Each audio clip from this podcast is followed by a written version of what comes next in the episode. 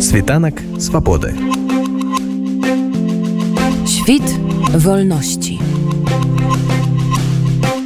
Беларускі журналіст медыяменеджер і блогер Сергей прохараў зрабіў расследаванне аб тым як пад кіраўніцтвам беларускай амбасады ў кіеве і беларускіх спецслужбаў у беларусі рэжым стварае псеўдадыяспары якія працуюць на шкоду краіне і вольным беларусам.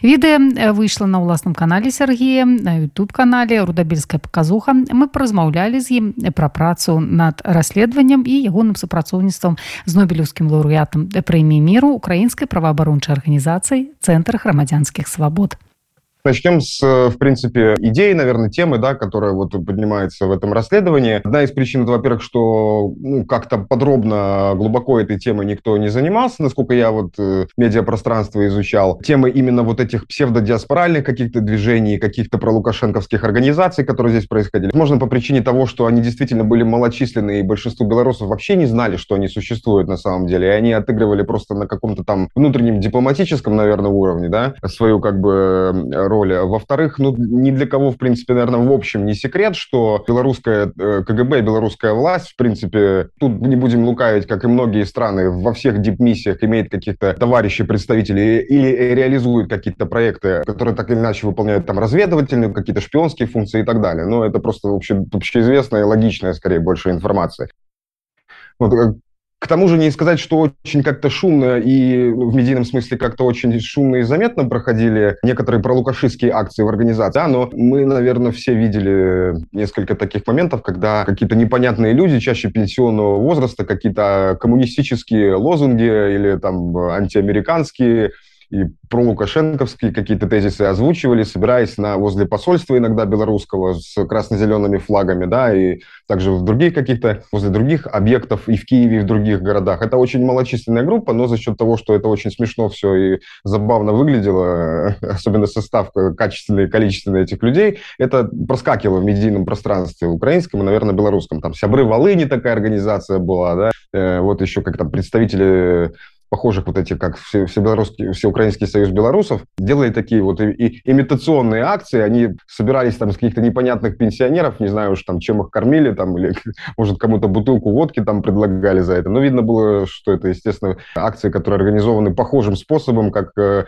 Лукашенко себе делал митинги в 2020 году, то есть, э, ну, как минимум не по собственной воле, естественно, этим людям глубоко до лампочки эти все какие-то ценности Лукашенко. Вот, но конкретно кто за всем этим стоит, кто стоит за такими проектами, организациями, что это за люди, что это за псевдоорганизации, я не видел, чтобы кто-то так э, эту тему полноценно раскрывал, хотя и были там некоторые небольшие материалы на эту тему, поэтому появилась идея просто поискать, посмотреть, что это вообще за организации, как они там в соцсетях представлены, что они пишут в своих э, новостных каких-то лентах, в своих этих э, небольших пабликах и так далее и тому подобное. И вот, в принципе, обратил я внимание, так скажем, уделил внимание, и такая идея появилась еще, наверное, весной этого года, да, как-то эту тему развить. Ну и потихонечку все оттуда и пошло. И постепенно я уже начал мониторить какие-то их вот эти страницы, да, еще до вторжения посты, которые они там делают, э, поглядывать, так скажем, да. И э, уже чуть позже полноценно как-то взялся за эту тему и с помощью некоторых э, инструментов, которые позволяют там пробивать по открытым и слитым каким-то базам данных о синт, там, инструменты и так далее, там, какие-то изучать аккаунты в социальных сетях, возможность там узнать, например, как, кому принадлежат эти номера, кому принадлежат эти страницы, на какие номера телефонов они, скажем, зарегистрированы, да, и так далее. Ну, то есть достаточно таких инструментов, которыми расследователи, журналисты, расследователи пользуются, и они позволяют собрать определенную, так скажем, картину того, кто стоит за какими-то там социальными сетями, и в нашем случае за такими организациями. И постепенно раскручивая этот момент, я заметил, что некоторые вот функционеры так называемого Всеукраинского союза белорусов и вот потом этого фейкового проекта «Общественное общественное объединение белорусы Украины, они его назвали. Люди, э, которые в руководстве этих организаций, они, скажем так, упоминают некоторых лиц в своих социальных сетях. Да? Существует несколько страниц публичных да, об этих организациях, хотя они, опять же, там практически пустые. Вот. Ну и, э, так скажем, пробивая по открытым источникам и с помощью таких вот э, в принципе, общедоступных, наверное, даже инструментов. Кто стоит за одной из таких страниц, выяснилось, что там э, одна из страниц привязана к номеру телефона нек- некого человека, который вот по имени Егор, да, к, при этом никаких вот ни директоров, там, ни каких-то активных участников публично с таким именем не э, заявлялось. Ну и дальше это все как бы пошло раскручиваться, и выяснилось, что этот человек, который имеет там фейковую должность номинальную в Гомельской администрации и так далее, и так далее, и по формально является скрытым куратором и истинным, вот, так скажем, ну, куратором, да, управле, управленцем этой всей вот этого проекта Беларуси Украины. Скорее всего, это также другая какая-то агентурная такая вот работа этих лукашистов, которые здесь в Украине долгое время сидели, она также конкурировалась либо этим же человеком, да, либо какими-то какими его коллегами, так скажем. Вот, ну, все остальное можно увидеть э, в видео расследования. Единственное, еще хочется сказать несколько вещей по поводу цели, которые вот хотелось этим расследованием донести, что касается украинской аудитории, хотелось бы еще раз просто показать украинцам, что в корне неверно ставить э, знак равно между Лукашенко и белорусским народом, и, в принципе, настоящими белорусами, да, потому что вот это расследование как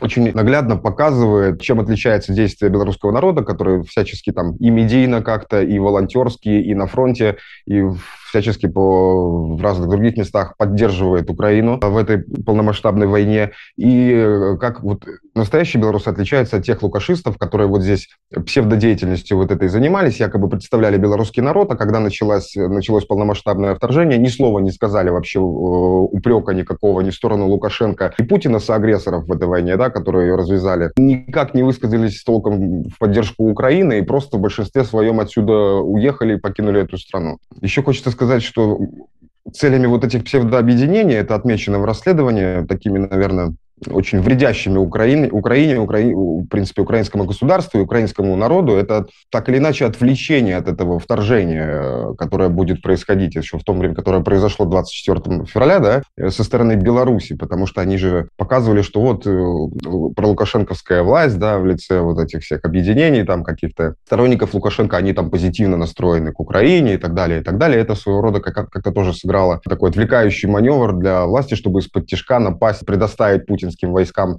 белорусскую территорию для нападения на Украину. Одной из главных целей таких псевдообъединений было, это было отвлечение от реальных проблем, с которыми сталкивается белорусский народ, и на тот момент сталкивался. Отвлечение от репрессий бесконечных в стране, отвлечение от того, что белорусские сообщества, реальные белорусские сообщества призывают Украину присоединиться к санкциям в отношении режима, отмечу очень важно, режима Лукашенко, да, который вот эти репрессии осуществляет, вот, ну и, и так далее. То есть они как бы должны были с собой подменить вот реальную позицию белорусского народа, как это внутри Беларуси также абсолютно происходит. Что касается момента источников дополнительных информации, потом, которые подтвердили данные, озвученные в расследовании, тут хочется сказать вот что. Все, что можно сказать про какие-то связи, доказательства и наглядные вот какие-то моменты, которые доказывают наличие этой схемы, они изложены в видео, но потом, впоследствии уже, скажем так, из э, окружении, окружении вот этих псевдодиаспор, уж не знаю, потому что, может быть, у них проснулась э, совесть, да, в каком-то смысле, хотя я на самом деле до конца в это не верю. Может, кто-то действительно, я допускаю такой что кто-то действительно не знал, что он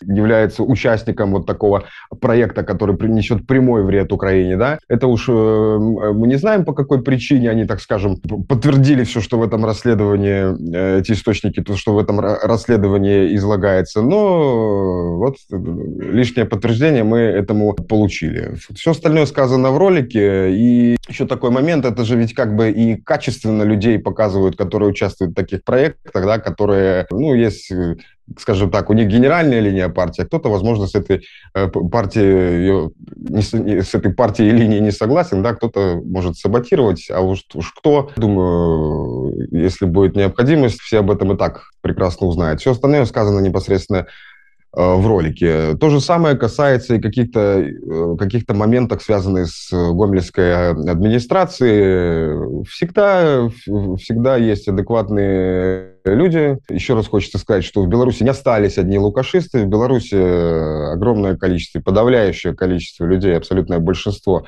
которые видят Беларусь в будущем демократической, свободной страной, делают все, что в их силах, скажем так, для того, чтобы это будущее поскорее наступило. Поэтому в том числе такие люди всегда помогают, скажем так, в каких-то вещах, в каких-то делах, связанным, связанных с журналистскими проектами, с расследованиями и тому подобное. Это хочется еще раз вот на этом моменте показать, что Беларусь не состоит из сторонников Лукашенко, Беларусь состоит в большинстве своем из людей, которые абсолютно а, негативно воспринимают и путинскую власть, и лукашенковскую власть, и стараются сделать все, чтобы Украина скорее победила в этой войне. Усе люди якія аб якіх ты распавядаеш у сваім расследаванні а таксама з іх атачэння ну то бок усе хто мелі дачынення да вось гэтай такой працы беларускага мзс і кДб супольнай працы яны ўсе з'ехалі з Украіны ці хтосьці застаўся судя по опять же с открытым источникам и социальным сетям и другим другой информации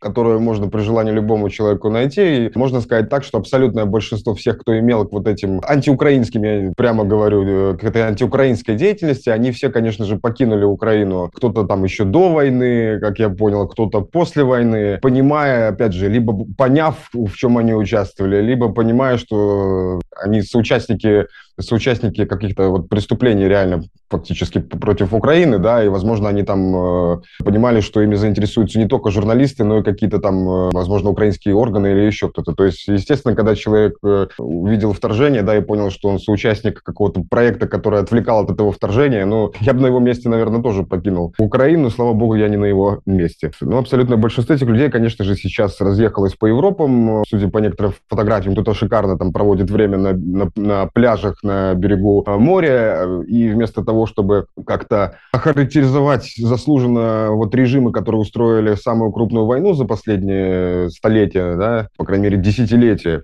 они постят фотографии, там, что-то в этом роде, как они хорошо отдыхают, проводят время. Это как бы тоже характеризует вот людей. Это относится вот в том числе к руководящим, к руководителям там и, скажем так, ключевым персонажам нашего расследования.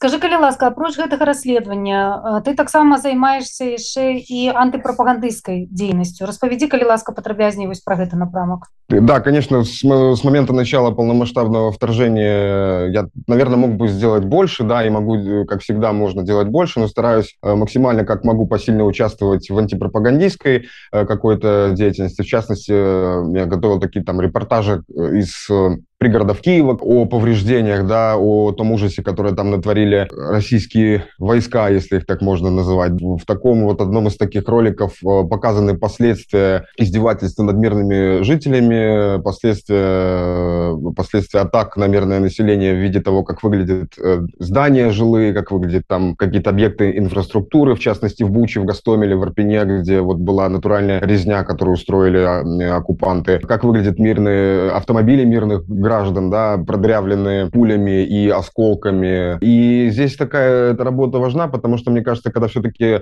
а, белорус э, это показывает, да, это как-то вот, по крайней мере, в белорусской аудитории, мне кажется, ну, доступнее, понятнее воспринимается. Украинцы, они будут всегда отстаивать свою позицию, да, и максимально выставлять сторону, которая на них напала в негативном контексте, да, и, соответственно, наоборот. Вот. А когда все-таки белорус это показывает, я показываю все это от первого лица, как это действительно выглядит, не без какого-то монтажа, без, как, без каких-то там декораций, да, как они там пытаются иногда выставить вот их терроризм какими-то там декорациями, что там чуть ли не украинцы какие-то там э, съемки проводят с имитацией трупов и все остальное. И взрывают машины для этого. Вот. Я это видел все своими глазами, эти последствия, по крайней мере, как, как это все выглядело уже э, через несколько месяцев после начала вторжения в Бучу, в Гастомеле, и постарался это показать э, людям, как оно есть вот, э, от своего лица, что называется.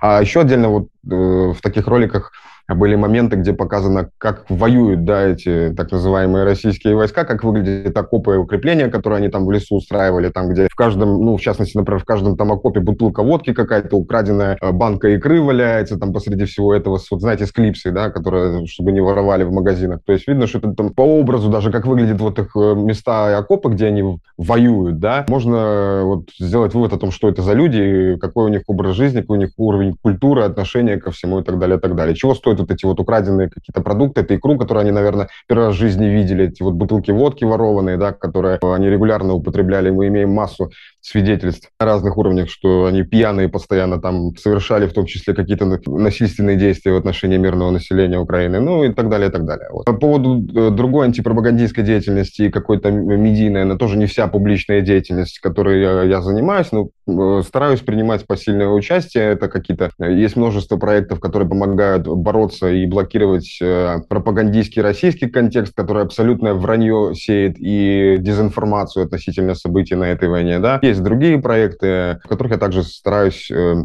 принимать участие. В дальнейшем, э, скажем так, мое уча- уч- участие в будущей украинской победе я постараюсь увеличивать. Пока тоже не обо всем могу говорить публично и не говорить о том, чего пока, что пока не реализовано, но могу сказать в двух словах, что дальше буду стараться еще активнее принимать участие в делах, которые э, приближают Украину и весь цивилизованный мир к победе, а Беларусь, ну и даже, наверное, может быть, в далеком будущем России к нормальному, демократическому, правовому і светлому будущему. Весь час что ты знаходишься ва Украине з моманту як ты з'ехаў з беларусі ты супрацоўнічаеш з цэнтрам грамадзянскіх свабод які вось зусім недавно атрымаў нобелевскую прэмію мира распавядзі калі ласка про гэтае сваё супрацоўніцтва ну все ж таки ты маеш дачыненне до гэтай каманды ты ведаеш гэтых людзей.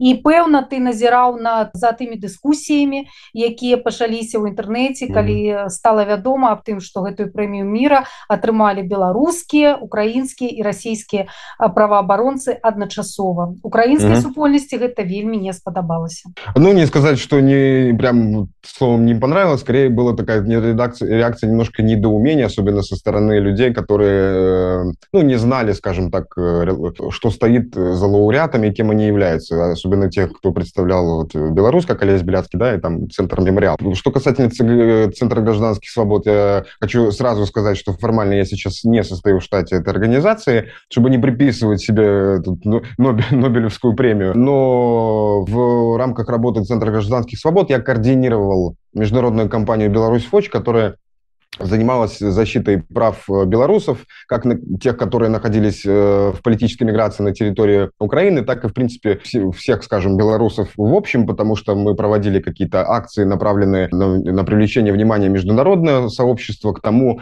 беспределу антиправовому, э, который творит с белорусами режим Лукашенко, начиная с 2020 года репрессиям и всему остальному. Вот э, координатором, э, координатором этой компании «Беларусь Фоч» я являлся. Сейчас э, я, явля, я являюсь волонтером Центра гражданских свобод на данный момент, но сосредоточен больше на антипропагандистской, на медийной рабо работе в рамках э, других проектов, но, безусловно, всех людей из этой команды основных, которые заслуженно, я считаю, абсолютно получили эту премию, я знаю, и мне приятно, что мне, э, скажем так, довелось быть Э, частью этой команды. Я продолжаю по мере возможности сохранять теплые какие-то приятельские отношения с э, Центром гражданских свобод. И если где-то нужна моя помощь в чем-то, всегда готов поучаствовать. Тем более сейчас Центр гражданских свобод как раз-таки очень много делает для документации военных преступлений. В контексте этого, в принципе, ну, мы все общее, как скажем так,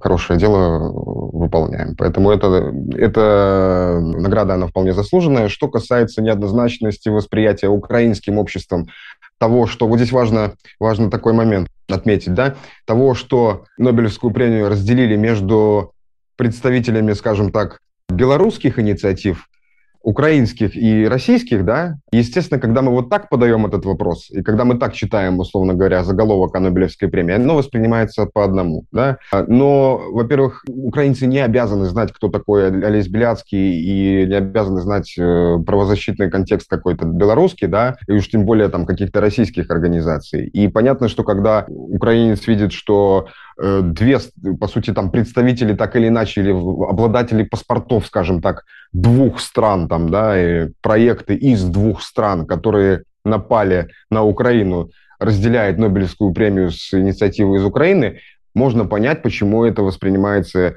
негативно. Но многие украинцы в то же время, когда они начинают разбираться, читают дальше заголовка, да, и понимают, что как раз премия по крайней мере, в белорусском случае, она была дана человеку, ну, человеку, который очень много сделал для защиты прав белорусов и последовательно прямо выступал против преступлений и антиправового беспредела, которое творит Лукашенко, то отношение уже немножко начинает меняться. По сути, э, Центр «Мемориал», который в России так или иначе последовательную антипутинскую позицию занимал и никогда не поддерживал, насколько я знаю, там, власть, э, которая, по сути, сейчас развязала эту э, войну. Да? Другой, другой момент, да, что ни в белорусском случае, ни в российском, ни в российском все мы, в том числе с правозащитниками, журналистами, блогерами и так далее, к сожалению, не смогли помешать этому нападению. И это началу полномасштабного самом полномасштабном формате этой войны, поэтому украинцы в, этом, ну, в этой ситуации полное право имеют выражать недовольство по этому поводу. У меня в этом смысле, я не могу предъявлять им какие-то претензии, тем более учитывая, что они продолжают белорусам в каком-то смысле сохранять адекватные отношения по моему личному опыту, да, и продолжают помогать, несмотря на то, какой у нас паспорт, зная, что мы, во-первых, боролись долгие годы сами против режима Лукашенко, а во-вторых, стараемся во многом помогать сейчас Украине, да. Хотели как лучше, получилось э, неоднозначно, потому что сейчас в Украине все, конечно, очень остро воспринимается, когда где-то наряду, а тем более в каких-то наградах, да, международных, рядом с ними ставят, ставят слово так или иначе там Беларусь или Россия, но для этого и существуют медийные проекты, для этого в том числе и я делаю вот подобного рода расследования, чтобы украинцы понимали, что между Лукашенко еще раз и белорусским народом не стоит знак равно. Вот те люди, которые наверняка смотрели мое расследование и следят немножко за белорусской повестки, их э, эта новость, я бы не сказал, что как-то сильно возмутило, да. Просто те, кто немножко дальше заголовка иногда не, не читает, они, естественно, по-другому это воспринимают, но имеют абсолютное право э, негативно или как-то неоднозначно к этому относиться. Світанок свободы. Świt wolności.